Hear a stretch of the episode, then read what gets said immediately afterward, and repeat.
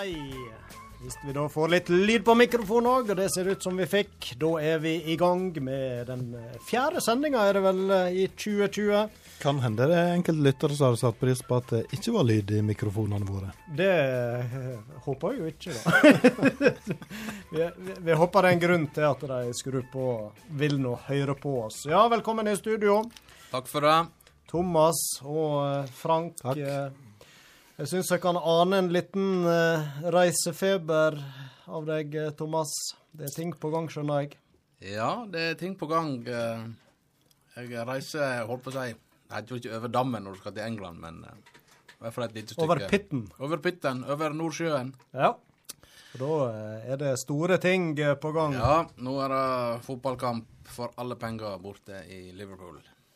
Og det som er litt uh, interessant, uh, du er jo uh, for meg iallfall en skikkelig ihuga fotballfan, Liverpool-fan.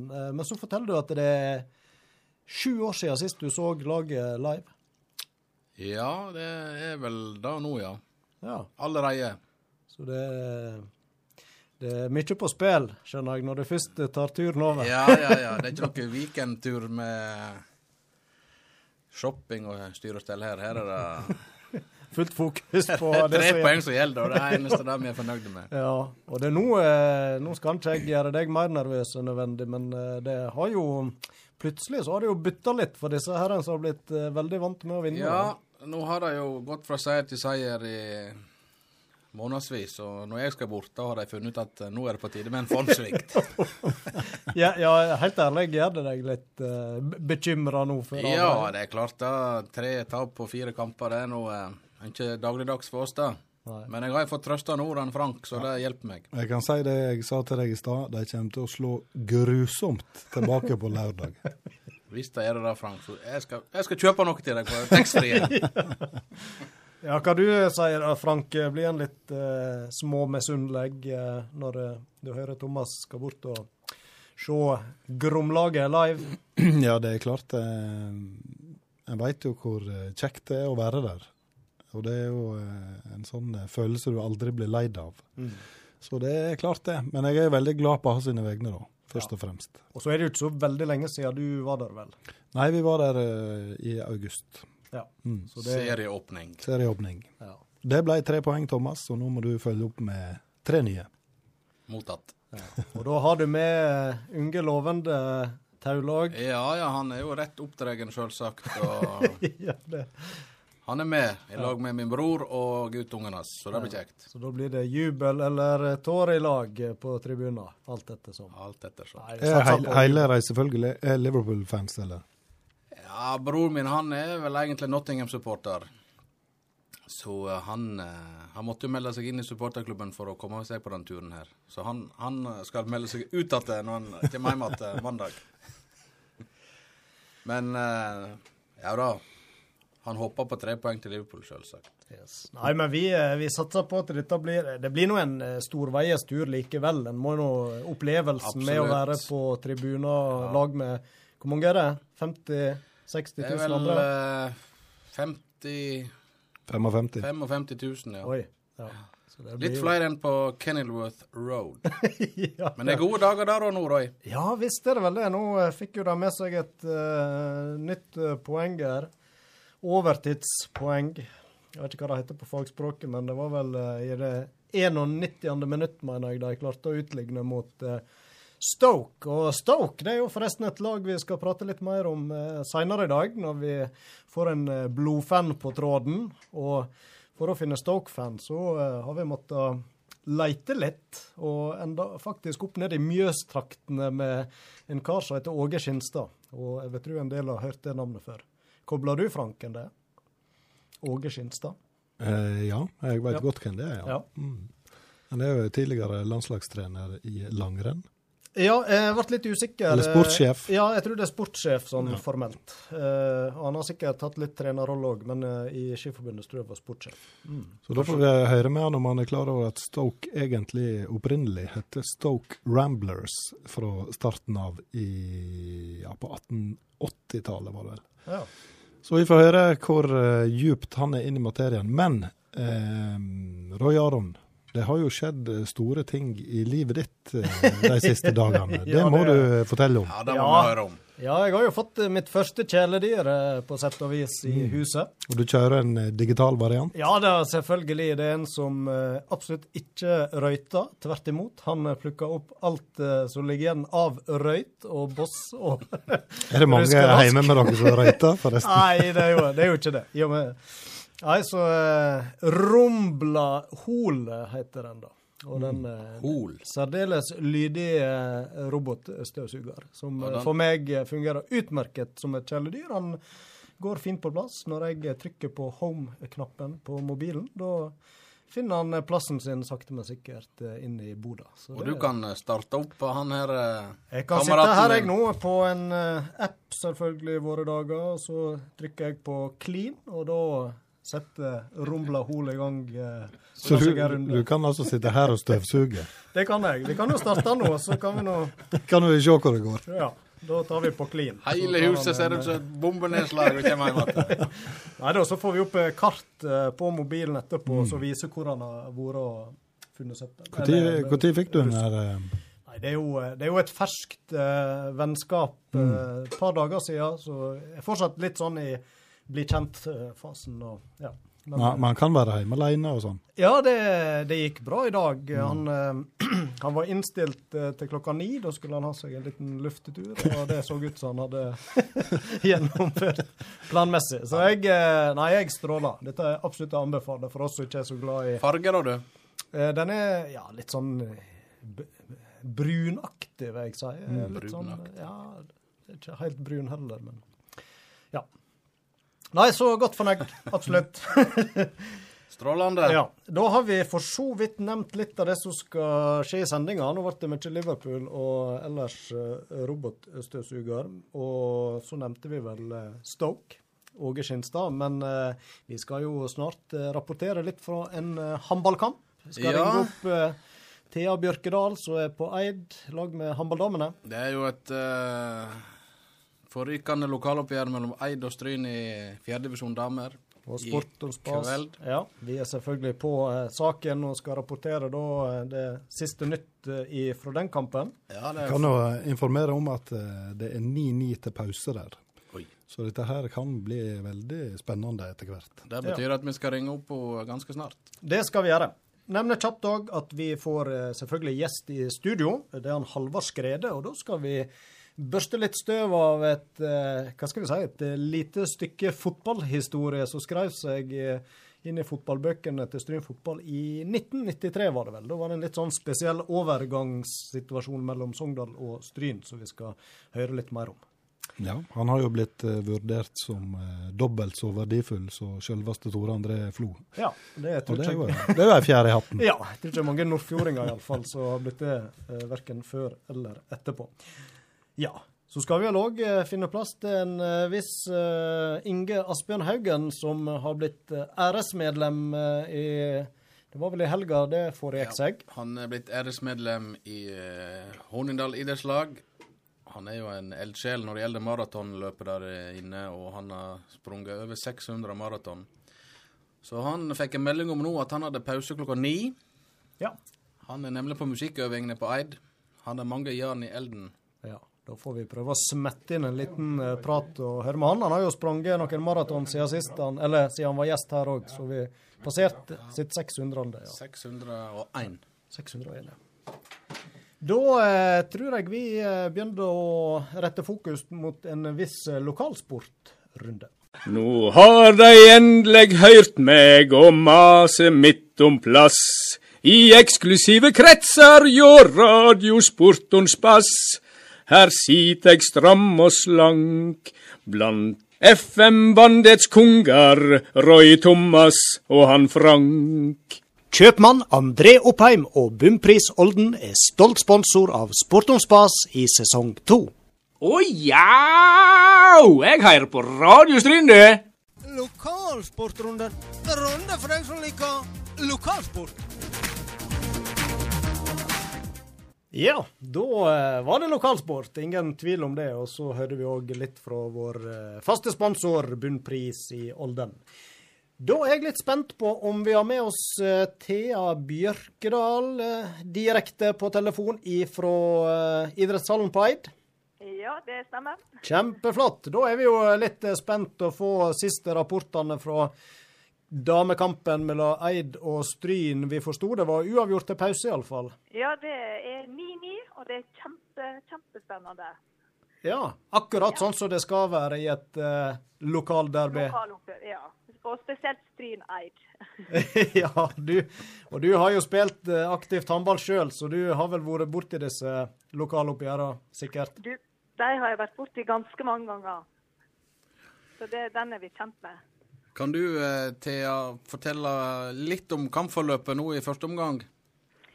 Du, det er ganske jevnt. Vi, eh, vi spiller veldig god håndball eh, til tider. Og så eh, detter vi litt nedpå, og så skårer vi, og så skårer de. Og så brenner vi en del. Så, eh, så det er absolutt fortjent 9-9. Det er det. det. De spiller god håndball, begge lag, egentlig. Jeg ser jo på denne her live- live-dekninga til at det er Stryn som har vært gjerne ett og to mål foran eh, gjennom omgangen. Ja. er det Stryn som på en måte har vært et lite hakk kvassere enn Eid? Ja, det er det. For det er det som jeg sa, at vi, eh, vi ligger frampå med én til to mål, og så detter vi bakpå igjen. Og så leder vi litt igjen, og så skårer de. Men vi har en kjempegod keeper som har redda veldig, veldig masse gode, gode redninger. Ja. Det er helt sikkert. Hvem er det som står i mål? Det er hun Oda. Ja. Ja. Oda Nesja. Nå har det jo, eh, har jeg lagt merke til, vært veldig ofte uavgjort til pause i Stryn sine kamper. Ja. Nå er det vel bare til å Eller bare og bare. Det er vel da å sette inn et ekstra gir nå da i andre omgang og sette de sjansene som kanskje ble brent før pause. Nå, dette her skal vi vinne, og det er vi helt 100% på. Nå går vi inn med at nå skal vi, dette skal vi klare. Så det tror jeg disse jentene òg er ganske tent nå på at eh, dette skal gå veien. Vi glemte jo å si til din rolle i forhold til laget. Er det oppmann du er, eller er det Du, hjelpetrener? det, jeg er sånn hjelpetrener. eh, Ja. og Marte Rekdal hun er oppmann, så det er hun som står for, eh, for all organiseringa av uh, høyreliste og dugnader. Og jeg, jeg er på, på sida og bare hjelper til litt. Ja. Ja. Kjempeflott. Nei, men da, Vi skal ikke oppholde deg mer. Et eh, siste spørsmål er fra Frank Hoel. Jeg vil bare skyte inn at det ikke lenger heter oppmann, for det er kjønnsdiskriminerende. Det heter lagleder. Lagleder. Ja, det er greit. Frank. Bra språkpolitiet sitter i studio her. Så, men eh, Thea, da må dere ha masse lykke til, og så får du gå tilbake til laget og heie dem fram. Eh, forhåpentligvis da en seier mot erkerival Eid. Ja, det skal jeg, veit du. OK. Fint, det. Lykke til. Hei, dette er Tor André Flo. Jeg anbefaler deg å høre på Sport og spas. Yes. Der fikk vi anbefaling direkte fra England. Vi har våre fans også i England. det er godt å høre. Ja, spennende på Eid. Det er akkurat som det skal være. Det er ikke de overraskende at dette er spennende, for dette er jo, eh, det er jo bare ett poeng som skiller dem på tabellen nå. Så, eh, og nå går jo Stryn inn i en hektisk periode med sesongavslutning og en drøssevis med kamper. Og hvordan litt sånn oppdatering nå på tabell og Ja, før kampen i dag så er jo Stryn nummer to. Yes. Det er, ja. Eh, ja, var det 15 poeng, da. Er det begynt å jamne seg ut, at det er like mange kamper? Det var jo veldig ujevnt her. eh, Ja, nå blir det jo det, i og med at Stryn skal spille så mye, mange kamper i mars. Mm. Men Gloppen ser vel ut til å stikke av gårde med seieren i divisjonen der. Ja, men andreplass, det er nå et uh, flott uh, resultat, hvis de klarer det, da. Veldig bra Stryn, og kjekt for uh, det unge laget. Da eh, foreslår jeg at vi beveger oss rett inn i skiskytterværa, for det er vel kanskje det største arrangementet som fant plass i helga som var, der vi hadde lokalutøvere med, iallfall. Østre Toten arrangerte hovedlandsrenn i skiskyting. Ja, og der gikk det jo sånn ganske bra en, for en del løpere. Ja, det var fredagen eh, som var den beste dagen, kan du si. Da var det normaldistanse, og eh, Ann-Kristin Aaland hun veit vi kan prestere, og hun ble nummer fem Ja. i jenter 16. Og hun eh, lå an til en pallplass ganske lenge, men det rakna litt på slutten. Ja. Femteplass, det er kjempemessig. Ellers så har vi jo han Eirik Stensaker Tvinnereim. Det er vel bror til ei Hvis Gunn Kristi Tvinnereim, som har vært gjest der, og som vi ellers har noe nevnt i flere sammenhenger. Riktig, og han eh, ble nummer 11 av 94 startende i eh, gutter 15, og det er jo et sterkt resultat. Enda en Tvinnereim på gang, altså. Ja da. Og så har vi Frøya Haughovd fra Stårheim og Sara Anni Bjørnhaug Årnes Markane. Mari Sofie Mæland i Jente 15 var inne blant de eh, 26 beste. Mhm. Siste du nevnte, det er vel uh, vesle søster til Mæland-brødrene, som òg har jo markert seg opp gjennom åra på iallfall junioralder. Aksel og han uh, Johan Eirik. Ja. Ellers så eh, kan vi vel si at eh, søndagen var satt av til stafett. Og der eh, ble jentelaget sett sammen av Ann Kristin Aaland, Oddrun Hjelmeset Kirkeide og Mari Sofie Mæland. Ble nummer ni av 22 lag. Ja. ja, men det er anstendig. Over midten. Ann Kristin leda jo inn til veksling. Og uh, både Oddrun og Mari fikk ned alle blinkene, så det er jo kjempebra. Ja. Så uh, Nei, men da konkluderer vi med at det, det gror godt uh, bak i rekken òg for de som nå eh, snart skal inn i junioralder. Ja. det- Og hovedlandsrennet det er jo som et NM eh, for 15- og 16-åringer. Det må ikke vi glemme. Der er det hele landet representert, ja. Ellers er det, har det jo vært fut futsal-KM på Sandane sist helg. Futsal, eh, Frank, du som er fotballeksperten. Hva Å ja, nå fikk ikke jeg snakke mer, nei. Nei, jeg tenkte han må nå få lov å slippe til litt, han òg. Kan du si kjapt litt, hva, hva ligger i futsal? Hvor mange spillere er det, og hva er på Ja, det er jo fem mot fem.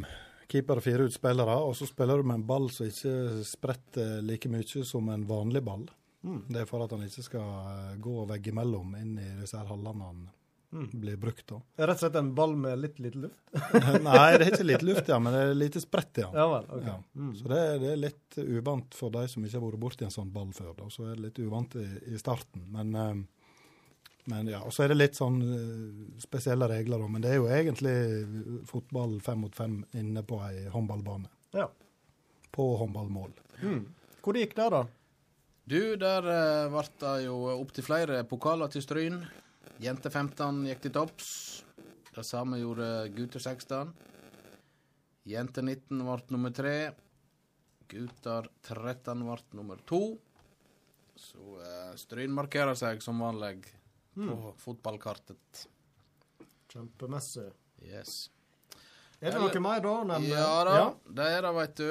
Det har jo vært Åpe KM i friidrett. Har du hørt om det? Åpe KM. Åpe KM, ja. Hva som ligger i det, da? Er det altså åpe for andre Ja, kretser? dette foregikk jo i eh, Karsten Warholms vugge. Ja. Og der deltok han eh, Ruben Alexander Eide Gjerde fra Olden og Jon Kristoffer Øvreflo fra Stryn. Og begge to gjorde sine saker veldig bra. Hvis du gir meg et lite sekund. ja, du har eh, klippet, revet ut litt sider ja, fra lokalavisa her, ser jeg. og- Ruben Alexander, førsteplass i lengde og andreplass på 60 meter. Ja. Og Jon Kristoffer, han ble nummer tre på 60 meter. På 200 meter, da bytta de plass.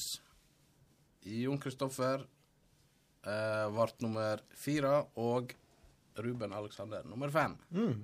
Det var litt interessant. eh, har han eh, Jon Kristoffer tatt et lite steg i forhold til i fjor? Det- han, Ruben det- brukte å slå han eh, Ja, det, 200 nå vet jeg at han Ruben ikke har vært helt i slaget i det siste. Okay. Men at han Jon Kristoffer har tatt steg, er slett ikke umulig. Mm. Nei, men det Det, det er veldig kjekt. flott de hevder seg òg utafor Krinsen sine Til slutt lytter vi jo melde at uh, Johanna Reksten, skytteren, hun var med å ta EM-sølv eh, for lag på ti meter luftrifle i Polen. Ja. Og hun skyter da Hun er vel fra det som nå heter Stad kommune, men eh, Ja. skyter da for Hun skyter jo for Nordbygda og Rand skytterlag. Så eh, hun er innenfor våre kretser. ene halvdelen innenfor våre Ja grenser. Ja, det er helt rett. Og eh, Sølv i EM, det, det er Det klinger bra. Det klinger bra. 0,1 poeng bak Russland. Ja.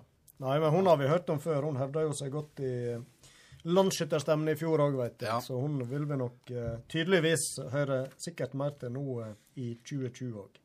Da tror jeg vi har vært gjennom sånn noenlunde det som gjelder eh, Jeg kan vel bare skyte inn at det er junior-NM i skiskyting kommende helg. Ja, Der har vi store forhåpninger til eh, Nordfjord Team. ja. Var det da både sprint, jaktstart og stafett? Hvis ikke jeg Det var vel det mest tror det. Ja, Ja. det er i hvert fall i Folldal. ja. Så der blir det helt sikkert eh, topplasseringer å melde, kjenner jeg eh, løperne rett.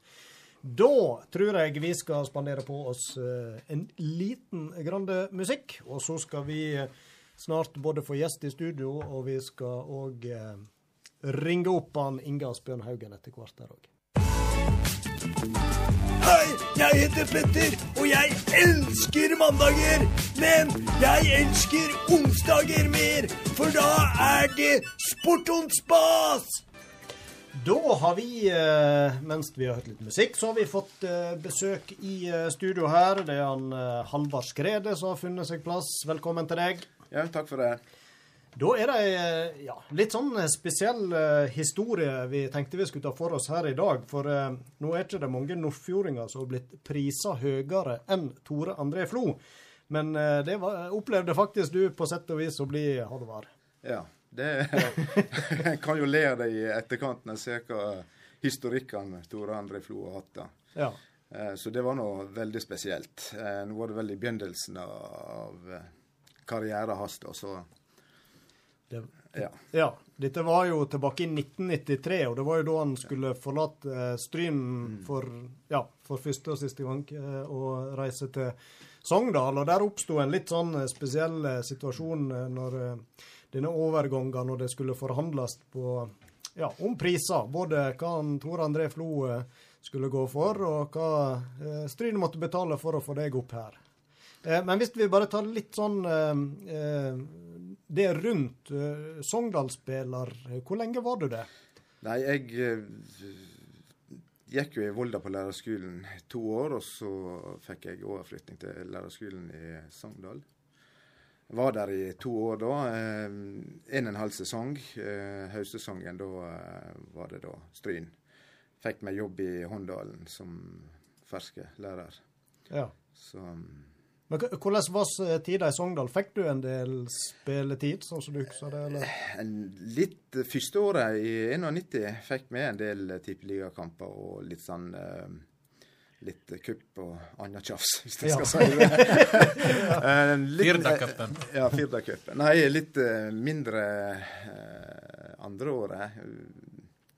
Havna jo en liten disputt der inne. Harald Aabrekk trente jo eh, Sogndal da, og eh, veldig god trener og på mange måter. Så eh, det, var, det ble naturlig, for å si det slik, at, at jeg skifta beite. Og da Ja. var jo Stryn uh, naturlig, egentlig, når jeg fikk jobb i Håndalen òg. Jeg uh, bodde på Eid og pendla. Ja. Så eh, to eidere på samme lag, det ble litt eh, too much eid, eller? Det var, det var flere ganger. Stig Nord var Stig der. Nord og- Og det var flere òg? Ja, Ja, ja. ja. Nei, jeg veit ikke det. Jeg vet ikke om vi skal dra den Nei. noe lenger. Men Halvard, den overgangen eh, til Sogndal, da. Eh, for du til Sogndal fordi Sogndal ville ha deg? Ja. Eller, ja det var Ja. det som var Ja da. eh, lå bak? Ja da, det var det som lå bak. Så det Mm. er greit. Jeg reiste inn til Sogndal primært for å spille fotball. Men Mm. eh, ja. Hvor du spilte på banen? Uh, det var back og litt på midten. Det var det. Ja. Så Så du var en hardtsatsende fotballspiller på den tida, da? Siden du var på det nivået? Ja. Eh, mer eller mindre, så lenge en kunne kombinere det med utdanning òg, så var jo det ypperlig. Og det la, la Sogndal godt til rette for. Det Mm. var de flinke til. Ja. Det var det. Men så var det altså at du skulle forlate eh, Sogndal, Mm. og eh, da var Stryn eh, på banen og ville Ja. ha deg opp. Var det først en leiekontrakt der, og så var det snakk om en mer permanent overgang? Det var vel gjerne det det var. Eh, de, Stryn overtok vel egentlig den kontrakten jeg hadde Mm. i Sogndal den høstsesongen i 92. Og eh, når ting utvikla seg sånn som de gjorde, og det ble mye styr her, så mener jeg bestemt at jeg hadde en klausul i kontrakten der jeg rett og slett kunne gå gratis tilbake igjen til moder, moderklubben som var eid da. Så da gjorde jeg det. Nå er det sånn at uh, vi har med oss på telefon, uh, vi liker nå å kalle han uh, vår lokale Arne Skeie, han Harald Vartdal, og han var jo den som skrev en del om akkurat denne spesielle overgangen i 1993, og engasjerte seg litt, og hadde òg en kommentar i Fjordingen om dette her. Og Harald, du er med oss nå på telefon. Jeg hører alt dere sier. ja. Det, Ja, og da er det jo litt sånn, eh, vi sitter og prøver å få bildet her. eh, Kjenner jeg deg rett, så har du det ganske klart for deg hvordan dette hang i hop, så kanskje du kan hjelpe å fylle inn i bildet litt? ja, jeg vet ikke om jeg eh, vet alt det som skjedde, men jeg var jo Hannan han han Olaf Tenden og Paul Hoel og snakket mye med dem i den sakens anledning. Og, og det er klart, det var en helt spesiell sak det der. Så eh, det, gikk ei kule det er jo helt, eh, helt eh, klinkende klart.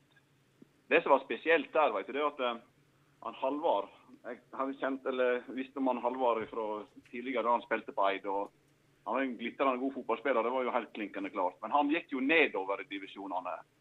Han Tore André han var jo starten av sin karriere, og alle som jeg vil si, hadde litt peiling på fotball, visste jo at han kom til å bli en, et stort navn i norsk fotball og internasjonal fotball. Så, så det var liksom den, var den uh, saken som gjorde det så komplisert. at Det var ikke snakk om at Halvard ikke var verdt eh, 90 000, eller hva det måtte være. Men det var liksom det forholdet der at det ble ikke verdsettet han, han Tore André. Så vi følte vel eh, kan si som en provokasjon, det må man bare si. ja. Mm. Og så var det rett å si at det var ikke bare Sogndal som kunne tenkt seg å skaffe han Tor André på den tida heller. Nei da. Og det er klart at det, men dette, dette er egentlig noe som er et problem ofte. at Når en, en moderklubb når den skal sende av gårde sine attraktive spillere, så vet de større klubbene at de spillerne de får sine ønsker ivaretatt gjennom moderklubben. Mens derimot, og da kan de presse litt og sånt der. Så i ettertid så er det klinkende klart at vi skulle ha fått til en god ordning med Sogndal, der han Halvard hadde sluppet av styret der, og Tore André. For det er jo den gapneste måten å skape, å skape uvennskap på. For det, var, var ikke kjekt en stund akkurat da med Sogndal etter den tid. Det må jeg bare innrømme. Og når du har sånne to kjernekarer som Halvard Skrede og Tore André Flo, som skal liksom være så sentralt i det her, det, det blir jo nesten for dumt. Så jeg håper at det, det, eller jeg tror mange lærte faktisk av den saka òg. For Sogndal sin del så er det klart at jeg snakka med masse Sogndal, fått skværa opp, og vi har blitt gode venner både med ene og andre der. og Dette er ikke noen sak som de er stolte av. Det er ikke sånn som de syns var kjekt. Så det er, jo- men uh, dette er historien, som han Halvard sa. Ja, men vi kan jo høre med han Halvard. Eh, eh, Kan du huske litt hvordan du opplevde dette? For det ble jo litt spesielt. Altså, det jeg husker, det var jo det at det var litt spesielt. Jeg, det var ikke noe kjekk situasjon, det var ikke det. Eh, men det var jo et, sånn som jeg ser det, et skambud fra Sogndal mm. i forhold til han Tore André. Eh, så eh, At du var prisa til 90, det var vel for så vidt greit. Men han, Vanskelig å si. Um, nei, jeg, det, det var spesielt, som han Harald sier her. Men Det følte det. du at du, dette var noe du egentlig ikke du hadde noe kontroll på? Nei, jeg hadde ikke noe kontroll på det. Var jo bare ei brikke, egentlig. Eh, og jeg vil nå håpe og tro det at Stryn kom greit ut av det når jeg bestemte meg for å reise til Eid, for da hadde de litt andre forhandlingskort, regner jeg med. Eh, sånn at det løste seg vel på sikt. ja, for det var jo det som ble utfallet her. At du i stedet gikk tilbake igjen til Eid i stedet for å gå til Stryn. Og da husker du, Harald, hvordan dette løste seg? Ja, det husker jeg at han Halvard han eh, gikk til Stryn. og Jeg satt og så på noen gamle papirer. Han ble kåret til turneringens beste spiller i Håndalscupen. i Gikk til Eid, mener du vel? Ja. Så, eh, nei, det, altså, men eh, det er klart at det, det som skjedde da det, jeg må se litt i bakgrunnen for det òg. Det var at, det- at både Fjordingen og Stryn fotball som talentfabrikk hadde jo et veldig godt forhold til Sogndal. Altså Vi hadde jo han Svein Bakke og Heiland, Harald Aabrek, Lars Opseth, Magdalene Sæter. Alle disse hadde vært med på Fjordingen som fotballskole. Og vi hadde jo ja, Helge Øvreberg og Håvard. altså Det var folk som hadde spilt i Sogndal. Så vi hadde en veldig god sånn eh, kommunikasjon. Og så kommer det liksom og skal få ordne en det som egentlig skulle vært en sånn her gentleman's agreement, altså mellom en spiller som forlater Sogndal, og en som skal komme til Sogndal.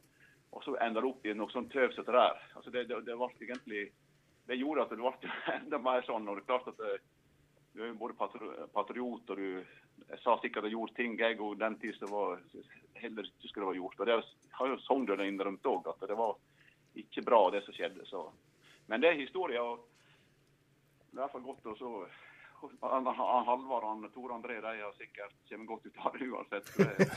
Ja, jeg tror det, Men det som, det som var, eh, sånn som jeg har forstått det, ble enden på visa i forhold til Tore André, det var jo at den saka gikk inn til eh, Fotballforbundet.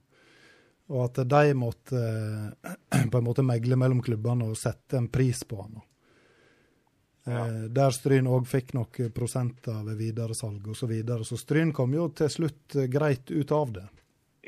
Fikk de midlene nå da han forsvant til, til utlandet og sånt, så det er klart at det skulle bare mangle. Men da fikk jo det liksom en kompensasjon som gjorde at, eh, at det ble At det ordna seg til slutt. Det er klart. Men husker du hva det enda med til slutt når det gjaldt prisen på han Tor André? Hva sang Nei, det husker ikke jeg. Det må nesten snakke med han, han, han, han, han, Olaf Tenden og han Paul Hore. Mm. De som satt og forhandla, så hadde jo full kontroll. Så de, det er de som egentlig har førstehåndsopplysninger. Jeg satt jo på sidelinja der og intervjua og så kommenterte og sånn. Og, og ja, var på den, det nivået der. Uten å være helt sikker på det, så mener jeg prisen på Tore André ble 120 000 kroner. Men den har jo mangedobla seg etter den Når du sier 120, faktisk, det høres veldig kjent ut. altså Det må jeg bare si jeg også. Det tror jeg faktisk du har rett i. Frank. Ja. Men det var den eh, overgangen av Tore André fra Glasgow Rangers til Sunderland som genererte eh, mest penger. Da, da den Ja. eh, u- utdanningskompensasjonen var kommet inn i bildet. Da kom den inn i bildet. Så det, det er helt rett. Så det ble jo, ble jo ei grei betaling til slutt. Ja, ja. Men du, Ja, han, har- han har sikkert mye artig å fortelle fra sin karriere. Han har også, som sagt, jeg, jeg, var, jeg jobba litt i Fjordabladet da på eh, slutten av 80-tallet. og han, eh, Eid hadde jo mange gode spillere der. og Halvard han utmerka seg. Kjempegod bekk. Det er de, I dag sånne moderne bekker. Rutsja fram på, på dødlinja og la inn. og en, Absolutt en toppspiller. så det Han kan sikkert fortelle litt om sin egen eh, karriere både i Stryn og Eid. Og Sogndal. Ja, for det, du enda jo til slutt i, i Stryn, da, Halvard, eh, etter noen år tilbake på Eid. da. Eh, ja, det gjorde jeg, og det var jo forskjellige, forskjellig som trakk til Stryn igjen, for å si det sånn. Eh, men jeg spilte da i 97-sesongen i Stryn, og det var et veldig kjekt år. Vi eh, berga jo plassen i, eh, i det som da var tredjedivisjon, altså det er vel divisjonen over det som nå er kretsligaen, tror jeg. Mm. Eh, en del bergensturer, og også ikke minst den cupkampen vi hadde mot Molde her eh, hjemme. Vi vant 1-0. Det var en kjempeopplevelse. og det er Noe av det kjekkeste jeg har opplevd som fotballspiller, iallfall. Så, så det, var, det var kjekt. Absolutt. Eh, når det gjaldt å berge plassen i, eh, i divisjonen, så hadde vi en ganske avgjørende kamp nede i Bergen mot Løvham, husker jeg. Vi fikk en mann utvist tidlig. Jeg tror han Terje Valaker ble utvist.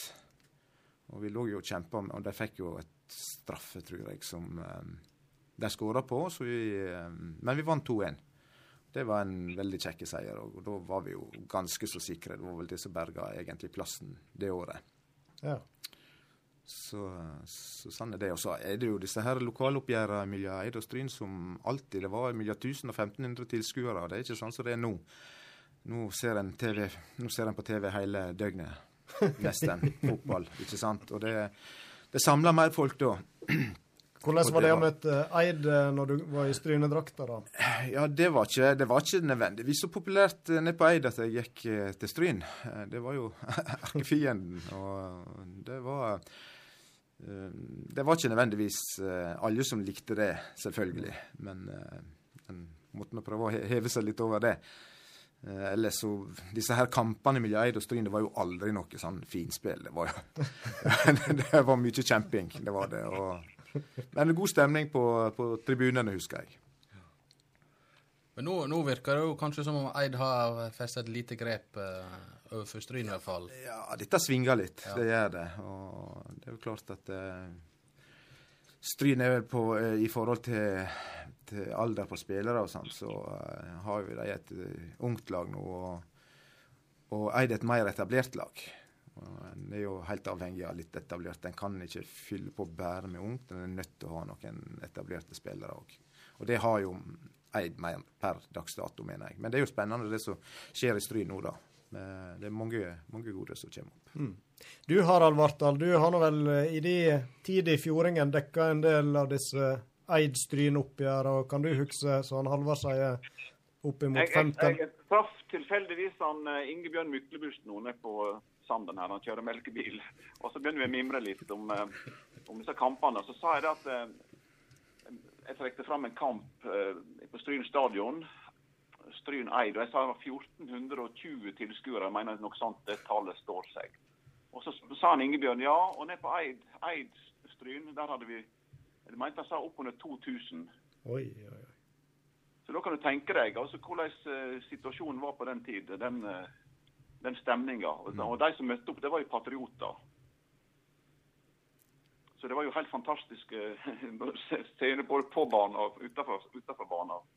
Så, eh, så jeg, jeg, jeg satt en gang før at jeg, jeg skulle ønske at de som både spiller i dag og som eh, er interessert i fotball, har fått opplevd litt av sånn her entusiasme som knytter seg til disse kampene der. Det som Halvard sier, at det blir veldig mye sånn å se på fjernsyn og sånn, men du kan aldri få oppleve den, den, den, den stemninga som du har i sånne lokaloppgjørene der. Altså. Det er fantastisk. Ja, så var det jo spesielt dette her med den her lokalpatriotismen. Det var jo Det nøra jo opp under litt av hvert, dette der. Så det det var helt spesielt. Det, det ble vel litt ekstra moro for dere på banen òg, da, når en hadde det trøkket Ja på sida. Absolutt. Tusen takk, eh, Harald Vartdal, for at du ville være med og fylle på Ja, litt med din eh, kunnskap. Og du husker jo alltid godt eh, når vi, vi spør deg, så det setter vi pris på. Det er bare hyggelig. og i hvert fall spesielt kjekt å sånn, kunne ta tilbake et sånt minne som der, som egentlig var et veldig dårlig, en dårlig episode. som ble egentlig nå i dag, så kan vi, kan vi både fleipe litt med det, og det er veldig god stemning. De involverte, de som kjenner fra Sogndal, sånn at det egentlig det har vi lagt bak oss. Og så kan du gratulere da, om han Halvard kan, kan skryte til sine barn og barnebarn at han er en av de ytterst få både sikkert i Norge og andre plasser, så det har blitt mer verdsett enn han store andre. Ja, nei, jeg, er- det, jeg er stolt av det. Ja, han rødmer nesten. ja.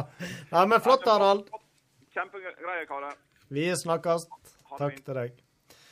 Ja, det er jo eh, som vi snakka om her, det, det, det er jo litt synd at en eh, Nå er det kanskje 50 stykk som står og ser på disse kampene etter hvert. Eh, Jeg vet ikke, Du er jo fortsatt fotballinteressert og har vært engasjert på mange måter. Er du fortsatt på stadion og ser, ser litt? Ja, det er jeg. Jeg var jo litt involvert i, i, i, i fotballen i fjor da jeg var hjelpte Geir Inge Rake som Jeg var hjelpetrener for han da. Ja. I fjor var nå du eh, veldig involvert. Ja, det er vel ikke noe Jeg, overdrivelse? jeg ble uh, mye involvert.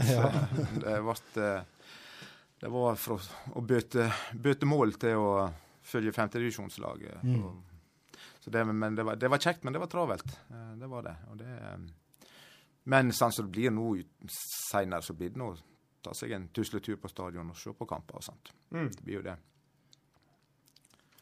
Og du har jo eh, Du har, var jo involvert i friidrett nå, du, eh, for noen år tilbake. Ja da, det var jeg, og det er mm, Reiste litt rundt om på disse stevnene, og det var en helt spesiell stemning, for å si det sånn. Veldig, veldig kjekt, syns jeg. Og, ja, absolutt. Ja, og Det er jo ikke alle som kan skryte av eh, oktoberfestbildelag med selveste Karsten Warholm. Nei, du verden, der var noe òg, ja. Der kombinerer en eh, friidrett og mor morsomheter. Og Halvard har sine kontakter, veit du. ja Nei, men du er, så friidrett òg en eh, idrett for deg å følge med på. ja da, absolutt. Og det vet dere òg, at det er jo kjekt å følge med på disse stevnene når de gjør det så godt som de gjør det i både i VM og EM-sammenheng. Ja. Så det Ja. Nei, men da har vi fått nøsta litt i gammelt grums, og så Harald Vartdal òg, så konkluderer vel med at eh, nå er stemninga relativt god, og det er et tilbakelagt stadium, men vi fikk nå eh, Vi konkluderer med grums. ja, Nei, det er vel det vi konkluderer med, at vi ikke trenger å Gammel moro. Ja, gammel ja, moro. Og så tenker jeg du får Artig å ha vært en del av eh, en litt eh, spesiell historie, i hvert fall. Mm. Tusen takk til deg, eh, Halvard, for at du tok turen i studio. Sjøl takk.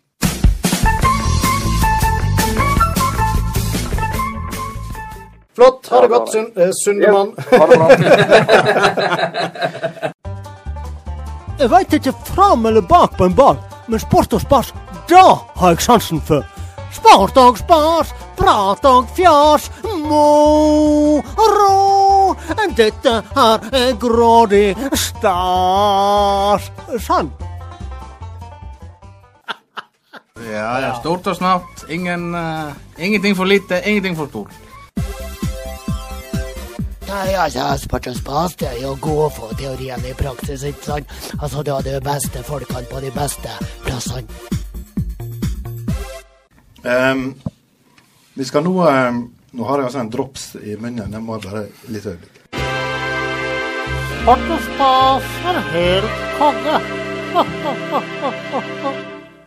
Ja, da har vi vel med oss eh, selveste æresmedlemmet i Hornindal idrettslag, Inge Aspen Haugen, på tråden. Stemmer det? Det stemmer nok, ja. Ja, du får ha gratulerer med utmerkelsen. Ja, takk for det. Ja, takk for det. Eh, dette var vel en happening som skjedde nå i helga, stemmer ikke det? Det var årsmøte på søndag klokka fem, ja. Ja, i Håndalshallen. Ja, og da hadde du fått beskjed om at eh, der måtte du innfinne deg.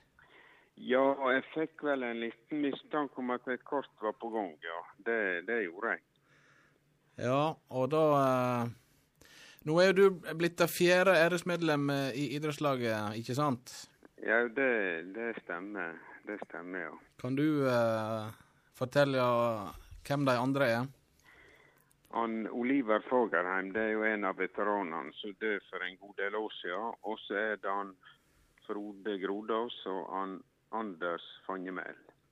Så da er du i, i eh, eksklusivt eh, selskap, Inge Asbjørn? Ja, jeg er nå er nå det, men jeg føler kanskje at jeg eh, eh, Der kunne jo vært folk før meg. eh, At det kanskje ikke var min tur nå, da, men det får nå. Jeg har fått mange gode tilbakemeldinger, så det er jo kjekt, selvsagt. Ja. Vi kjenner deg jo som eh, milsluker og maratonmann, eh, og nå, eh, for ikke så lenge siden, så nådde du 600 maratonløp. Ja. Jeg har vel eh, funnet ut at jeg er en ekstrem mosjonist. For jeg har funnet min måte å holde meg i form på. Men eh, det er jo ikke eneste måten. Det er å springe maraton, selvsagt. Og disse prestasjonene dine, og særlig nå når du bikker 600. løpet ditt, Inge Asbjørn, det har fått mye oppmerksomhet. Har det vært et voldsomt mediekjør? Ja, det var jo litt på det Det var både TV 2 og VG, så, men eh, det har nå roa seg nå etter hvert. Så det Det Ja, det er noe kjekt, det. Men eh, du sier jo sjøl at eh, du har begynner å prikke toppformen nå. At jeg har prikka toppformen? Nei, jeg er på vei oppover på forma nå, kanskje. Jeg håper det. Ja, for, men du sier jo at du nærmer Du er på vei nedover mot fem timer nå på maraton. Ja, ja, riktig. Ja, nå vet jeg hva du mener. Ja, ja, ja. jeg håper de skal komme under fem nå i løpet av ikke så veldig lenge. ja. Og du skal i Elden om eh, 28. i Bergen, ja. Ja. Og da blir det løp nummer 602. Det stemmer nok, ja. Får du tid til å trene mellom maratonløpene? Ja, det, det får jeg absolutt. Du får liksom hente deg inn igjen før et nytt? Ja, ja da. Det, det får jeg absolutt.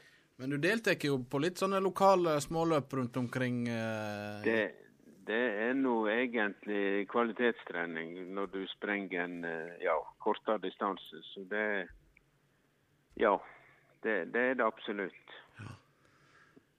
eh, har du noen flere planer etter Bergen i slutten av måneden?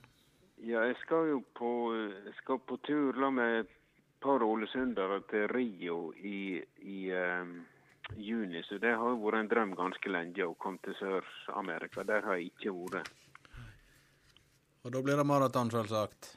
Ja, og så skal jeg altså til Berlin i slutten av september. og Da blir det et lite jubileum. For jeg var der for 30 år siden da vi sprang gjennom Brandenburger Tor for første gang. Da, ja, Muren var jo åpna i 89, så det var første gang løpet gikk gjennom muren.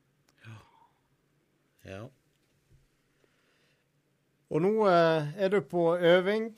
Nå er det musikk Ja, som gjelder akkurat i kveld. Vi driver og øver til vårkonserten nå i, i Operahuset nå på søndag. Eh, kort sagt i Stad kommune. Ja. Så da er dere mange i sving, eller? Ja, der er en, en seks, sju, åtte Jeg har ikke akkurat tall i hodet, men der er en god del eh, fra både Brygja og ja, og hele tidligere Eid og. Blir, blir det solo på Inge Aspen Haugen da, på saksofon? Nei, ikke denne gangen, men eh, det kan jo skje seinere. Vi skal nå eh, opptre i Valhall eh, litt seinere i, i måneden, ja. Så vi får se. Men hvordan er det, Inge Asbjørn? Kommer det godt med med god utholdenhet, kondisjon, når du spiller et blåseinstrument? Har det noe sammenheng? Det er mulig det har gjensidig Altså, kanskje det. Det, det er nå en fordel å ha eh, luft når den skal blåse, iallfall. Så det, det har en godt av å være litt varm, vil jeg tro. Ja. Ja. Du, ja, Thomas har et lite spørsmål her. Nei, jeg bare så på klokka, og jeg vet at han Inge Aspen han eh, har mye i elden og skal øve og alt mulig, så han er sikkert eh, Du er vel på overtid med pausen din, sikkert? Ja, det, det norsk nå, tenker jeg. da skal, skal ikke vi være de som holder deg tilbake, så alle må sitte og, og vente på deg. Men vi vil iallfall bare gratulere som æresmedlem og gjøre det nok en gang. Og så eh, hører vi noe mer fra deg eh, utover våren når eh, det blir enda flere Ja. løp. Ja. Det gjør vi nok, ja. Da får du ha en fin kveld videre. Ja, takk det samme. Takk det samme. Hei. Hei. Hei. Ja, det var Inge Asbjørn eh, Haugen, det. Og han er Nå er jeg aktiv så spent på sluttresultatet nede på Eid, Frank. Jeg ser du verken oh, ja, er de eh, nå er, er det slutt nå? Kampen er slutt. Oi. Ehm, jeg kan bare ta dere kjapt gjennom de to og et halvt siste minutta. For der skjedde det litt ymse. ymse. Som det skal gjøre i et lokaloppgjør. Som det skal gjøre. Det var 1919, så skåra Stryn 19-20, leda med ett mål to og et halvt minutt før slutt. Så fikk Stryn en to minutter. Oi. Så utligna Eid og satte inn seiersmålet 40 sekunder før slutt, og Stryn tapte altså med ett mål. Nei, nei, nei, Nei. nei, Det det var jo eh, so close som det skulle være, men dessverre bikka det feil vei. Det så ut i løpet av andre omgang der, så var Stryn ett og to mål foran, sånn som de var i første, og så glapp det på slutten, da. Ikke bra. Da er det nok noen litt skuffa jenter og damer nede på Eid akkurat nå, men uh... Da gikk vel Eid forbi på tabellen òg, men Stryn har to kamper til gode. Dette går greit. dette tar de igjen. Men jeg merker godt hvor uh, frustrerende det er å tape mot Eid. Ja. Det er ikke, det er ikke kjekt, og det skal ikke det være, Nei. som stryning. Sitter det like hardt i som en Liverpool-tap? Jeg, kjente at jeg ble litt irritert nå, rett og slett. Ja, Skal Skal vi ha litt musikk? Ja, vi, vi spiller litt musikk, så vi får, får opp igjen stemninga her i studio.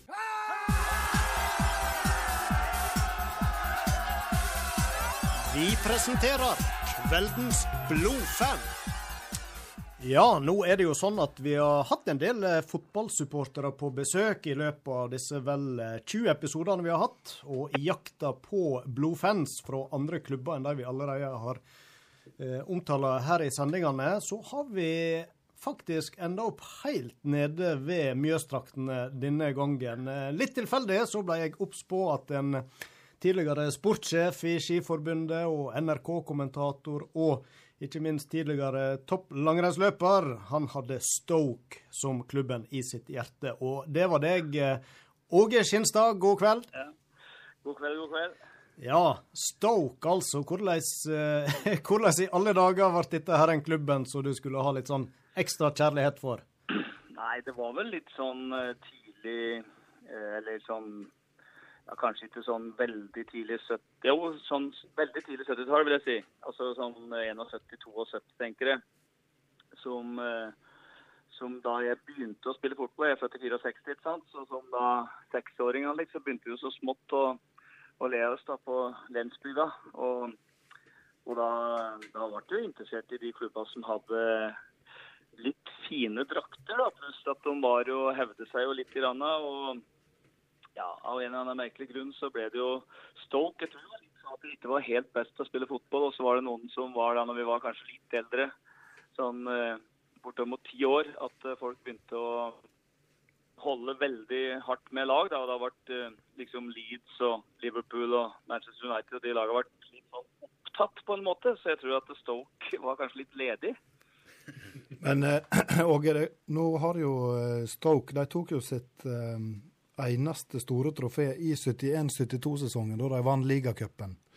Eh, har det noe så sammenheng med var det? sem- var jo semifinalen i de åra der, så det var Mm. jo så de var jo på en måte Ja, de, de var jo gode da, så, så det var vel det at eh, Men sant, jeg var så liten at jeg tror vel Det var kanskje mer far min, men han var jo egentlig Tottenham-fan, han da. Så det var vel han som var mer interessert i fotball og følge med på fotball, så jeg var vel mer sånn som satt ved sida. Det må nå være draktene som eh, tiltalte litt òg, vel? Røde og hvite striper. jeg tror det var draktene. altså De er jo veldig fine. da. Det er jo ingen tvil om at Block Stripes er jo noe av det peneste som fins. Nå er det jo ofte sånn at eh, det er veldig tilfeldig hvordan en ender opp med disse her forskjellige favorittlagene en har. da. Enkelte har fått en eh, bag eller en drakt eller et eller annet tilfeldig. En gang i tida, er det, er det noe sånt eh, med deg òg, eller var det kun, eh, Nei, var det det kun disse her eh, stripene som fenga? Ja, det var nok litt senere som jeg fikk en bag, husker jeg. Men det, det var av eh, onkelen min som var eh, da i England, som kjøpte meg en sånn eh, bag, en slags gymbag av meg. Men det var nok etter at han visste at eh, jeg hadde fattet interesse. Mm. Men det, det hjalp kanskje med å på en måte plante det skikkelig? Eh, Ja, jeg tror vel kanskje det gjorde det. Og så var det vel når tippekampa gikk for fullt, så, så var det vel ganske enkelt, tror jeg, for eh, BBC å sende ut folk i, i en sånn times omkrets fra Birmingham, og da kommer du bortom Stoke. Føler du eh, aktivt med i dag, eh, Åge? Jeg må vel kanskje si at jeg gjør det, selv om, eh, selv om det er ikke sånn Jo da, jeg følger vel ganske bra med, jeg gjør det. Men, men jeg, jeg stopper liksom ikke opp alt annet jeg skal gjøre pga. kamp. Men jeg, jeg prøver å følge med, ofte på Twitter eh, faktisk. For at de har en ganske fin Twitter-konto på, på Stoke som, eh, som de følger i alle kamper. Så jeg følger med eh, Jeg følger i hvert fall på alle A-kamper, da. Nå har vi jo en uh, Luton-supporter her som er medprogramleder uh, i kveld. Ja. Og uh, du vet jo helt sikkert at Stoke spilte mot Luton eh, nå eh, sist helg. Ja, det var jo heldig straffe på slutten der, men, eh, men, men, men det, får, det får gå, det. Altså, de, de tar jevnt og trutt med poeng nå, men det er utrolig jevnt i bunnen der. Altså, det må, må tas en del poeng for at den ikke skal rykke ned. Men eh, jeg, føler på en måte at jeg er inne i en ganske god stim tross alt, så jeg tror det skal gå bra å holde plassen. Jeg tenkte på dette òg. Vi har jo en del som forteller hvor eh, det går inn på de resultatene. Hvis de eh, taper, så er på en måte både helga og kanskje neste uke ødelagt omtrent. Jeg tenker Da du var aktiv langrennsløper, eh, påvirka det dine konkurranser når eh, Stoke gjorde det dårligere i helg, eller husker du noe om det? Nei, det påvirker vel ikke noe annet enn at det var, eh, det var litt sånn eh, det var, det var jo prat på noe, men eh, nei, jeg vil egentlig ikke si det. også, Men eh, jeg syns jo, jo det er særdeles moro når man vinner, da. Men det er jo det er jo sånn, Jeg har en god kompis som er eh, veldig veldig Leeds-supporter. da. Eller et par, faktisk, men en som er sånn ekstremt Leeds-supporter. Og, og jeg misunner jo de litt grann av tabellplasseringen nå, jeg må si det. Men jeg ser jo i stallen til Stoke, der er jo en del eh, ganske solide navn, eh, som f.eks. Joe Allen og Ja. Ryan Shawcross, Tom Inns eh, Ja. osv. Eh, Ja da. jeg, kan, jeg, får ikke det helt til å stemme med, med at de skal ligge i bunnen der. Nei, nå har de, de slitt veldig egentlig med, med å finne en ordentlig spillestil. Jeg tror egentlig de blir Jeg tror vel at Nathan Jones, som var han forrige manageren, han var vel kanskje den greieste karen som ikke har fått det til. Uh, uh, virker jo veldig veldig ålreit, og jeg tror ikke han helt klarte å få satt noe særlig system og brukte veldig mange forskjellige spillere. og Han uh, var jo på en måte Ja, jeg syns jo han, han klarer på en måte ikke helt å gi Jack Butland, f.eks., som jo er i nærheten faktisk av det engelske landslaget som eh, keeper. Han fikk jo liksom ikke helt eh, tillit, så det var jo han Federici, han uh, australieren, var jo da inne og spilte enkelte kamper. Så jeg tror at det, det var mange som ble usikre pga. at det var fryktelig mye bytte på laget og, og system. og ble ikke noe, Det ble ikke noe ordentlig kontinuitet i måten de spilte på, egentlig.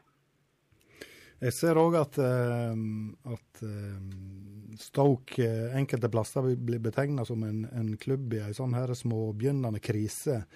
Med tanke på at de da ligger der de ligger på tabellen. De har eh, Financial Fair Play på, på nakken, og så er de eid av et eh, bettingselskap der det òg er en del kritikk mot, mot det og sånn generelt. Eh, tror du det, det kan skje ting i klubben som gjør at de, på en måte vipper det over kanten, og at de, de er enda, lenger nede i divisjonssystemet? Eh, nei, jeg håper og tror ikke det. Jeg gjør ikke det. Det er, eh, det er eh, eh, Det er jo alltid sånn eh, Vi vet jo med litt medieerfaring eh, begge to at det er jo sjelden at det er liksom de, gladstoryen som, eh, som selger mest og får mest klikk og sånne ting. Så det blir ofte i, i britiske medier kanskje sett enda mer på spissen enn det blir i norske medier. Så, så jeg tror nok kanskje at, eh, at det er sånn eh, Vi skal ikke være sånn superbekymra for det, men det er jo viktig at alt er på plass. At, at, det, blir, at det er riktig, det som blir gjort. Det vil jeg si. Men hva er det du syns Åge, om at uh, Stoke uh, sin stadion nå heter Bet365 Stadium? Nei, det, det står jo Bet365 på drakta, så du ser jo det hver eneste gang du går ut på banen. og Når du jubler for scoring, så ser du Bet365. Og, og det er jo sånn at uh, også stadioner i Norge etter hvert er i ferd med å få, få sponsornavn. og Jeg har jo jobba mange år i idretten og vet jo hvor avhengig alle idretter er av sponsorer. Så, så jeg må si at jeg har blitt noe veldig engasjert eh, av det. altså det, det, det det går, det går greit for meg Altså det absolutt. Men du er vel enig i at det klinger litt bedre, bedre med Britannia Stadium? Ja, jeg er litt usikker på om ikke Britannia også er et forsikringsselskap. Der ser du. Bare med Victoria Ground, da. Ja, sånn at uh, Victoria Ground, den er jo rivig, da. Så det er liksom så sånn sett så tror jeg at det er helt i orden egentlig for meg med Bet365. Jeg syns det er veldig viktig at eh, de har gode sponsorer og bra finansiering. Har du eh, fått mulighet til å se Stoke på enten Victoria Ground eller Britannia Ja, jeg, jeg har vært på Bet365 og sett på kamp til, så det, det ble riktignok 1-4-tap mot Arsenal, men eh, jeg har i hvert fall vært der. Er det, er det en stadion med god atmosfære og god stemning? Ja, veldig god atmosfære. Og det er Booten End, da, som er, eh, er supportertribuna som, eh, som vi satt på, da, jeg og kona mi, når vi var nede der. Og til og med hun har jo vært i nesten Stoke-supporter, i hvert fall. Da har du gjort en god jobb. ja, ja. ja. ja. Jeg så jo det, jeg så litt på historien til Stoke. og De var jo en av de tolv originale medlemmene når eh, The Football League ble stifta i 1888. Så de har jo ei, ei lang, lang historie.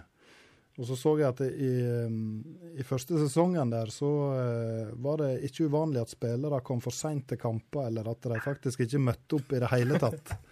Det minner egentlig litt om når jeg spilte småguttfotball i Lensbygda sjøl. Så, så, så sånn sett, så det hendte at vi måtte kjøre litt rundt, faktisk. Eh, Han eh, eh, som var oppmann på laget vårt, Arne Johansen, han eh, var litt sånn na- nabo, så jeg kjente godt, satt gjerne på med han. Og da hendte det at vi måtte ta en ekstra runde for å få tak i noen ekstra folk for å stille med fullt lag. Så dette er, dette er vi egentlig kjent med fra bygda. Ja, ja, Vi fra grisgrendte strøk, vi ja. må tåle litt av hvert. Ja, absolutt. Men det er jo liksom det er jo noen sånne uh, Stanley Matthews f.eks. Og, og Gordon Banks, ikke sant? eh, Peter Shilton, som gjør at, eh, at de fleste egentlig mer eller mindre har hørt om Stoke. da, så Det er liksom ingen det er ikke sånn at Stoke er en klubb som folk overhodet ikke vet noen ting om. for at eh, så, derfor så, Det syns jeg også er ganske fint at de fleste har på en måte hørt om Stoke. Altså, du, må ikke du bør ikke forklare at det er en klubb. Det har jo vært en eh, par-tre nordmenn der borte òg innom Stoke. Ja, det, det har det jo vært. Og, og det har jo, de har vel stort sett eh, vært litt sånn delvis på lån. Men, eh, men det har jo vært eh, det har vært for så vidt litt, litt moro da. John Carew, eller Carew, som de sier i Norge, han, han hadde store forhåpninger, han var det. Men det var jo ganske, det var jo ganske på hell av karrieren. Ja. Frode Kippe han kjenner det litt. Grann, så det var jo, det syns jeg var moro når han, når han spilte der. Ja, Han var vel på lån fra Liverpool, han da? Var på lån fra Liverpool. ja, og Mm. Anders Jacobsen Anders Jacobsen syns jeg var en stilig spiller, og han spilte i Norge på Vålerenga bl.a. Og, og ja, så jeg, jeg kjenner ikke han, men uh, det er i hvert fall uh, Jeg har da så vidt følt meg på de nordmennene som har vært innom der, ja. Jeg må jo si òg at du, uh, du har kunnskapen i orden når det gjelder Stoke City, det må jeg si.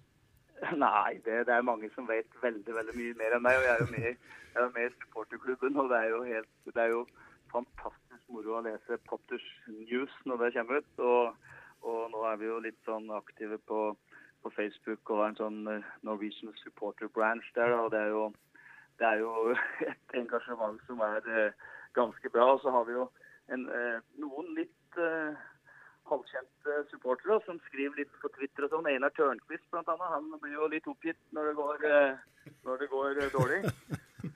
Han er flink, flink å formulere seg òg. Ja, Ola By Riise, han er jo, han er jo veldig, eh, kall det, saklig. Og, og kommer ofte med en, eh, en del ganske brukbare vurderinger av spilleopplegg, og spesielt eh, det defensive spillet. da, så det hender jeg har noen diskusjoner med Ola når jeg er i, er i Trøndelag. Jeg jobber en periode for Adidas, så da var jo Ola By jobber han i Rosenborg annet som trener og assistent. Så, så, så vi har diskutert eh, en god del eh, Stoke opp gjennom åra. Jeg så òg den eh, andre sesongen Stoke City Den andre sesongen av den originale The Football League. Da spilte altså Stoke i FA-cupen mot Wolverhampton Ja. og tapte 4-0 eh, på bortebane. Men det som var saken, nå, det var at de eh, klaga på at eh, banen til Wulfs var så forferdelig dårlig. Okay. Eh, og Den klagen ble tatt til følge, og det ble da arrangert ny kamp. Og den tapte Stoke 8-0. ja, ja, okay, ja, men det, det, er jo, det er jo noen som har beskyldt Litt opp gjennom tida for å var litt sånn kick and run-dag, så det er mulig at de egner seg bedre på en eh, dårlig bane. da. Ja, det var kanskje da, eh, da kick and run ble eh, grunnlagt. Ja, ja. Det er sterkt, det, altså. Det var jo, men det var jo sånn Det var kanskje spesielt når Det var vel storhetstida for kick and run var kanskje når Tony Poolis var manager. Han har jo vært manager i to perioder, og det var vel kanskje den siste perioden hans fra 2006 til 2013 at det var mest, eh, mest av det. da, Så var det vel noen som sikkert ville kanskje det litt av livs når de ansatte Mark Hughes, vil jeg anta. Ja. Nei, det er jo sånn, vi, vi forbinder jo litt Stoke med litt sånn brutal kick and run-fotball, men det er vel fra den Tony Pulis-perioden det stammer da, antageligvis. Det er vel ikke nødvendigvis sånn i dag. Nei, det, må, det er mye mer finspill nå. Kapteinen nå, når Ryan Shawcross dessverre har blitt skada igjen, Jeg var ute på U23-kamp mot Manchester på mandagen, var det vel, og ble jo småskada da. Så han er jo egentlig kaptein, men Joe Allen er jo den som uh, spiller fast nå som kaptein, da. Mm. Og han er jo egentlig en ganske finspillende mann. Uh, har jo bl.a. fortid i Liverpool og uh, kommer fra en litt annen type uh, ja, en litt annen type spiller, da. I Liverpool eh, ble jo han kalla The Scouse Perlo, så eh, han har jo eh, teknikken i orden, han. Ja, absolutt. absolutt. Og han er jo jeg vil si fortsatt kanskje Stokes eh, beste på mange måter. Mm. Åge, når vi først har deg med på telefon her i kveld, så har vi nå lyst til å snakke om litt andre ting òg. Og vi er jo selvfølgelig stryninger. Vi er jo opptatt av å prøve å linke gjestene våre opp mot uh, Strynebygda. Og eh, du fortalte nå at du har vært her og konkurrert i hine hårde Ja, jeg har faktisk eh, til og med gått rulleskirenn. Jeg lurer på om det var det kunne være en ny bru eller noe sånt som var bygd en gang. For jeg mener at, vi, at det var kalt for Bruløpet. Da var vi kanskje på en slags rekruttlandslagssamling sånn oppe i- oppe på Tystvigen. Mhm. Og så bodde vi da oppe i Oppstryn der, og så var vi nede og gikk eh, dette her løpet der. Og jeg tror Jeg er ikke helt sikker på når dette kunne være, men jeg var jo aktiv i perioden fram til 93, så var det i hvert fall før 93, da. Mm. Men eh, vanlig vintersnø, det har ikke du gått på i disse traktene? Jo, jeg har vært og gått eh, over altså på det eh, der det heter skistadion der. når du, Han Inge Fenn var jo veldig, veldig ivrig. Ja, Og på Dybvoll? Ulsheim og ja, Ulsheim, ja. For jeg, Ja. han bodde jo så å si på skistadion på Ulsheim. Ja. Eh, Og i den eh, perioden som jeg, jeg jobbet etter jeg var aktiv, jeg ga meg som aktiv i 93, så begynte jeg å jobbe i Norges Skiforbund som eh, det som het avdelingsleder i langrenn, og var det i to og et halvt år. Og da hadde vi jo litt med, med utdanning og utvikling og terminlister og sånn å gjøre. Og, og Inge Fenn han var jo da leder i, i Sogn og Fjordane skikrins. Ja, det stemmer. Ja. Ja, og det var så vidt verdens eneste skikrins. Alle andre krefter. så, så, så jeg har vært på Ulfheim flere ganger. Men, eh, men jeg hadde gitt meg når det var eh, NM der. Men jeg har vært der også som leder eh, og smører i forbindelse med junior-NM som har vært på Ulfheim. Ja. Det var vel VM for junior der òg, men da var jeg ikke der. Og så er jo dette i Per Knut Aaland sitt rike. Nå er jo du en del yngre enn han, men har du hatt noen dueller mot femmilseksperten fra Nordfjord? Ja, jeg har jo det. Og jeg har eh, hatt dueller mot han både når han gikk for Lillehammer skiklubb og for Øyer, som jo er eh, lokale klubber her eh, ved Mjøsa. da. Eh, det, det er litt Jeg tror vel at det er kanskje litt sånn artigste minnet som eh, nå er artig, men som ikke var så veldig artig akkurat da. Det var vel i 88 på femmila i NM på Vang, som, som jeg hadde et bitte lite håp om å kanskje kvalifisere meg for OL i, i Calgary den gangen. Men jeg, det var ikke veldig realistisk. Men hvis jeg hadde klart medalje på femmila, så hadde det vel kanskje vært en liten mulighet. Da. Men jeg var, jeg var litt for dårlig, også. Men, eh, men iallfall så starter jeg da bak Per Knut Aaland. Så jeg, tok, tok opp Per Aaland og gikk forbi han, og han hengte seg på meg. og og når vi gikk ut på det var 16,7 km runde, altså vi gikk tre runder. Og når vi gikk ut på siste runden, så begynte jeg å bli nokså sliten. Og, og da så jeg, ble, jeg endte vel på slutt på sånn tiendeplass ca. Og jeg tror Peknut ble nummer fire eller fem. Men da når han gikk forbi meg da, når jeg var som mest sliten der, så da, da spurte han meg bare snudde seg mot meg og gikk forbi, og så lurte han på om jeg hadde parkeringsløyve.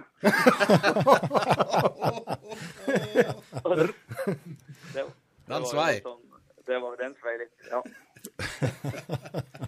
Hvordan er det i dag, da? Og er du litt aktiv fortsatt eh, med langrennsski og går litt turen, eller eh, har du parkert deg? Nei, Jeg går vel litt turen, men ikke veldig mye. Jeg gikk Marcialonga, og jeg gikk eh, siste etappen på stafettvasa. Og så var jeg nede i, i skiskytter-VM, som eh, jeg jobber jo for Swix. Så der vi har jo to utøvere som vi sponser med staver fra Stryn. da. Eh, Tarjei Bø og Johannes Signes Bø, som jo bruker våre staver. Så det har fortsatt eh, litt eh, link mot Stryn i forhold til det. Syns Ja. de er veldig gode. Hvor, hvor mange staver går det med i året? er det? I, utgangs, I utgangspunktet så bruker de veldig få staver. De har vel egentlig ett par til konkurranse og ett par til trening. Og så blir jo det erstattet hvis det skjer noe uhell, men det er egentlig veldig sjelden. Det er kvalitetsstempel på stavene, det da? At det ikke går med så mange Det er, på året? jeg tror det er, det er ganske likt på alle typer staver, faktisk, det også i forhold til brudd. For det, er, det viktige med staver er at de er stive, og at de er lette og gir en god pendel. Og, og da, da blir de eh, Da kan de ikke være av det sterke. Det er lett å lage sterkere staver, men da mister du både den letthetsfølelsen og den gode pendelen. Så jeg tror nok at alle løpere setter pris på å gå med en lett og stiv karbonstav framfor en, eh, en tung og sterk aluminiumsstav. Nå har vi en eh, felleskientusiast eh, her, og eh, da må vi nytte høvet og høre ditt syn på felleski. Er det, er det liv laga? Ja, felleski er absolutt liv laga. Og, og felleski har kommet for å bli. Det er nok eh, framtida på mange måter. Det som jeg tror er viktig for da, eh, de som liker å gå på felleski, er at de, eh, altså I starten så var det mange som på en måte innbilte seg at fellesskia var vedlikeholdsfri. Eh, det tror jeg er den eh, største feilen som sportsbransjen har gjort, å, si det. For at eh, eh, Riktignok så slipper du å smøre festevoks, men, eh, men du må huske på å både gjøre glisonen ren og få på litt eh, glivoks, samtidig som at fellen må også være ren og gjerne impregnert, sånn at det ikke begynner å ise, sånn som Oddbjørn Hjelmeset, da, som er fra Sandane, som vel ikke er sånn kjempelangt fra Stryn. Han fikk jo litt is i rubben, som vi alle husker, i, i, i 2010 i, i, OL i Vancouver. og det er faktisk mulig å få is i fellen nå, hvis en, eh, hvis en ikke har impregnert fellen og den er litt uh, møkkete.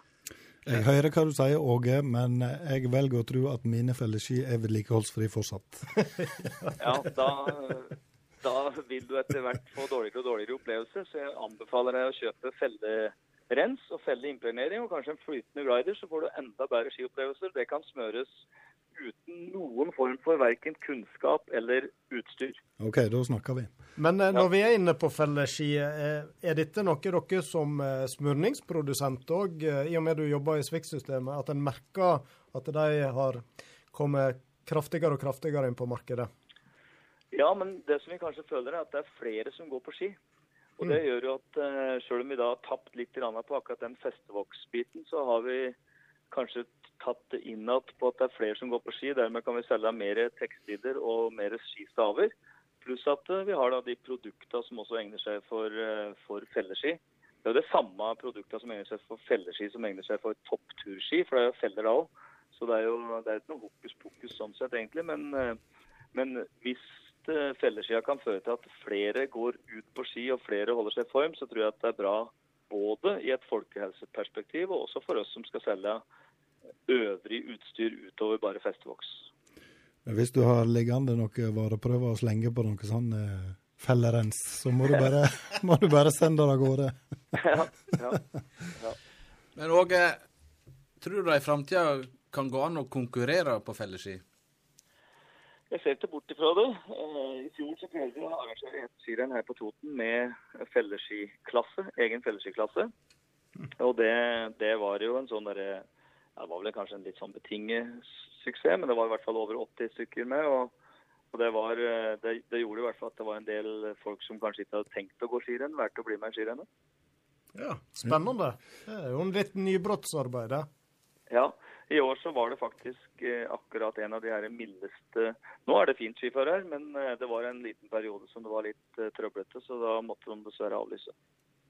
Ja. Dette var veldig kjekt å ha deg med på telefonen, og vi rakk jo både innom litt langrennsminne og smørning og felleski, og ikke minst en god prat om Stoke. Og eh, Ja. det eh, setter vi stor pris på. Så da eh, vil vi avrunde med å ønske deg eh, en fin vinter videre. Vi har jo en flott vintermåned foran oss, og der er vel et birkebeineren eh, litt i dine trakter som sikkert du skal kanskje prøve deg på? Ja, jeg skal faktisk gå skøytebirken. Jeg har et par sønner som skal gå Birken på lørdag. Så for å ha muligheten til å være med og gi dem litt eh, support under uh, Birkebeinerlørdagen, så har jeg tenkt sjøl å skøyte over på fredag. Men jeg gleder meg til det. Er sønnene dine blitt av Stoke-basillen, forresten? Nei, de er uh, Liverpool-supportere begge to, så der hadde jeg vel der er jeg bomma fullstendig. Jeg syns du skal være stolt av dine to sønner. ja. ja. Flott. Da ønsker vi deg en god kveld, Åge. Ha det godt. Hei, hei. Ha det bra. Hei, hei. Sitat, ord og uttrykk fra sportens verden som du nå får servert, enten du vil eller ei, ved Frank Hol. I dag skal vi ta for oss et ord, og så skal vi til slutt ta for oss noen få eh, finurlige sitat som har kommet fram i eh, forskjellige sammenhenger. Dagens ord er korrupsjon. Oi. ja, det kan du si. Kjenner du til korrupsjon? Har du vært utsatt for det, Thomas? Ikke personlig, nei. Nei. Du har sluppet unna? Jeg har sluppet unna. Det har vel han Roy Aron nå, tror jeg. Uten at jeg kjenner historien hans i detalj. Nå sitter han eh, Roy Aron nede i denne robotstøvsugerappen sin. Vi må bare si det at uh, denne støvsugeren til Roy Aron, den har vi fått beskjed om har problem med å finne ladestasjonen. Det er litt sånn uh, innkjøringsutfordringer, men uh, sånn er det jo med hundekvalper òg, vet du. De må liksom læres opp litt. Hunden hunden vår har for så vidt funnet ladestasjon eh, hver dag. Eh, det er batterier på topp. Eh, korrupsjon. Det er da opphavlig et eh, latinsk ord, corruptio. Det henger sammen med verbet korrumpere. Altså det er norsk. Å korrumpere. Er det noe du bruker i dagligtalen, Roy Aron? Nei, det ordet tror jeg faktisk jeg har eh, til gode og noensinne har brukt. Korrumpere. Ja. Jeg kan ikke komme på det. Det er sett sammen av forledet kom eh, og verbet rumpere, som selvfølgelig kan misforstås. Veldig artig. Og rumpere. Eh, men det betyr da å bryte. Ikke tenk koffert. Mm. Eh, adjektivet korrupt kommer av perfektum particip forma corruptus av korrumpere. Korrupsjon vil si å gi eller ta imot et tilbud om urimelig føremon knytt til stilling, ombud eller oppdrag. Altså eh, på godt norsk korrupsjon. Jeg, jeg tenker mye på Ja. italiensk fotball når jeg hører eh, korrupsjon. Ja, det er jo eh, gjerne Sør-Amerika og Sør-Europa eh, den slags foregår, heldigvis, får vi si. Eh, verbet korrumpere betyr å ødelegge moralsk. Eh, korrumperte embetsmenn er nok oftest korrupte òg, men mange lar seg korrumpere uten å ta imot penger for det. Det heter til dømes at makt korrumperer. Korrumpere blir i liten grad nytta om handlinger eh, knyttet til korrupsjon. I stedet eh, nytter vi verb som bestikke eller mute, smørje og kjøpe. Smørje, ja. Det har vi jo nettopp prata litt om. Ja. Eh, ikke i den sammenheng, men i en annen sammenheng. Mute, er det et ord dere har hørt før? M mute. Og mute, altså M-U-T-E. Mute. Mute? Nei, muta? Nei. Mjuta. Er det en fuge E på slutten der? Nei, det er ikke en fuge E.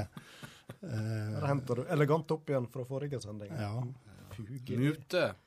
Mute er et gammelt ord som òg finnes i svensk og islandsk. Og mute eller bestikke er å gi hemmelige gaver for å oppnå føremoner.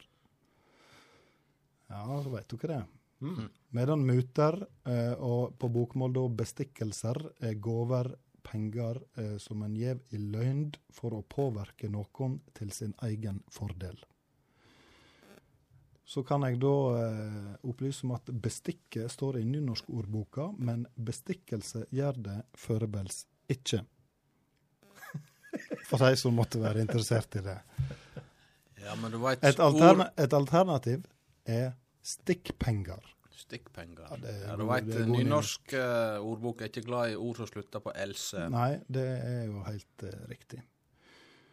Uh, så kan jeg òg legge til at eh, straffelova skiller mellom eh, korrupsjon og grov korrupsjon.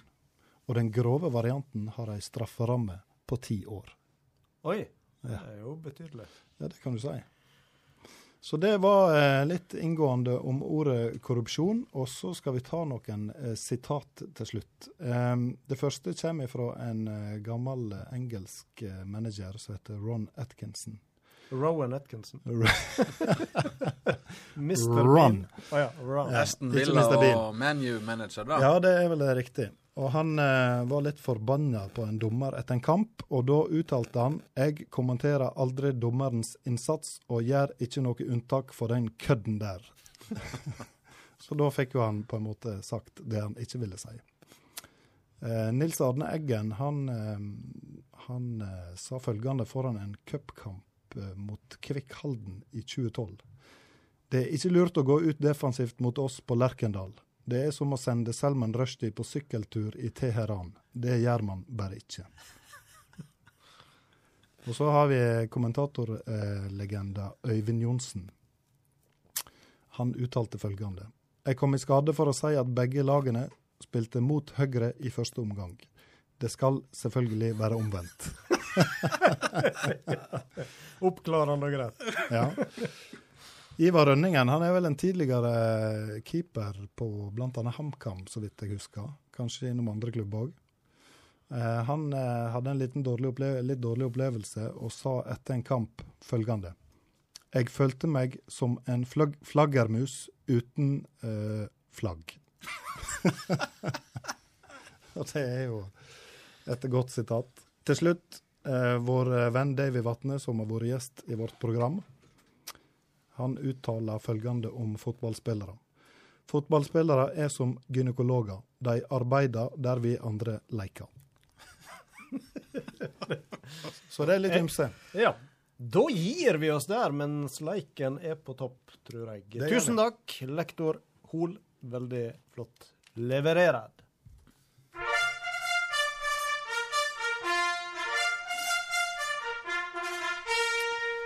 Konkurransetid, gutter. Ja, jeg lurer på om vi før vi starter den høytidelige trekkinga, så kan jeg nevne at vi nå eh, har enda litt mer i potten til de som sender inn i konkurransen. Fortell. Ja, jeg nå har jeg hatt en prat med vår gode sponsor i Olden, han André Oppheim, kjøpmann Oppheim på bunnpris. Og han eh, tilbyr da ei flott, eh, bugnende kolonialkorg. Vi har vel alle vært framme i det som har vært på basar oppi gjennom. Fantastisk premie, altså. Ja. Så han eh, har Jeg kan lese opp eh, det er selvfølgelig litt sånn eh, diktinspirert, det han eh, skriver. Det må være heilt på sin plass å bidra litt til sport og moro. Du skal få litt av kvart oppi korga, både som gleder og slukker tørsten. Kanskje litt mat og noe fra åjau, litt fra en gris og litt fra en veier. Kanskje vedlagt et lite fint dikt, det håper jeg det hadde sett pris på. Ta deg en tur om du ikke så lenge, ta med deg sjøl, du trenger ikke cash.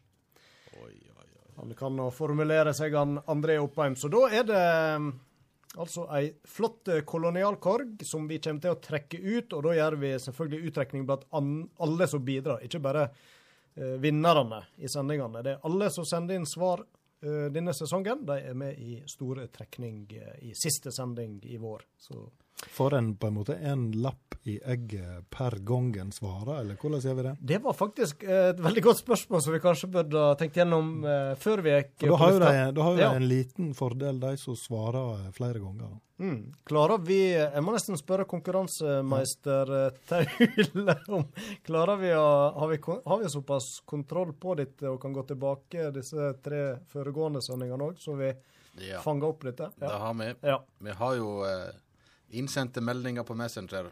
Men da syns jeg det er rett og rimelig at det, jo mer du svarer, jo større er ja, ja, en måte sjansen til å Ja, vinne. ja, Ja. Det, det må være greit. Det må være greit, men da har vi altså litt mer lokkemat, bokstavelig talt. når Hvor Når blir denne her eh, korgi trukket? Nei, uh, siste sending, tenker jeg, før vi gir oss før sommeren, så da snakker vi vel i medio juni, sånn røfflegg. Røfflegg. Så da har vi litt å se fram til. Jeg husker han eh, gode, gode mannen Endre Bø vant ei kolonialkorg på basar oppe i Kulturhuset. Da var han så glad at han, han grein ei modige tåre. Å vinne ei kolonialkorg, det er stort. Ja, det er større enn fruktfat òg. Ja, det er det definitivt. Ja. Så eh, som han er inne på her, her skal det være litt av hvert oppi eh, den korga, så både slukketørst og svolt. Så Spennende. flott. Yes, da er det på tide å trekke litt. Ja. Sist, karer, da hadde vi besøk av to uh, musikere, av alle ting i Sportens Pass. Mm. To av bakmennene til uh, Strynesangen. Den ene var Jan Nygaard. Den andre var Dag Magne Berstad. Og vi ville jo vite kallenavnet til han Dag Magne, som du, Frank, så vidt Ja, det ble jo litt sånn knisete på slutten Ja, sist, var da, fordi at jeg holdt på å uh, forsnakke, forsnakke meg. Eh, men Det var jo moro. Det var moro. Da Eh, kneis jeg, iallfall. eh, men kallenavnet til Dag Magne er da Dammen. Riktig. Ja. Over dammen. Ja. hvis det er lov å si. Det som er gledelig, er at vi har rekordmange svar denne gangen her. Ja. Det er jo helt fantastisk. Ja. Det er bra vi har et stort påskeegg. ja. Og nå er det jo snart påske òg. Det er faktisk plass til et, et svar eller to til oppi. Så Ja, det er ikke mye mer enn det, nei. Kjøper du med litt uh, fra taxfree-en, uh, type smågodt eller godis, og putt, fyll opp det egget med? Det kommer helt an på uh, lørdagens resultat. Ja. Så uh, det får vi se. Ja. Hvem sin tur er det å trekke, karer? Jeg tror faktisk det Fra- er det det? Nå Ja. har det gått veldig eh, Vi kom ut av rutine en periode her. Ja, vi hadde vel han Ove André Jeg prøvde å inkludere han Ove. Kanskje du, eh, Thomas, skal få trekke Nei, en gang? nei, nei. nei. Det er ikke snakk om. Nei, nei, nei. Dette her er er det Frank. Frank sin Frank, tur. det er du. Du har venta i fire uker nå på dette her. Kloa er klar. Jeg har ikke fått sove siden, Kloa er klar. som hun sa. Ja. Da tar vi den. Der har du lappen. Den ut... Utkårede.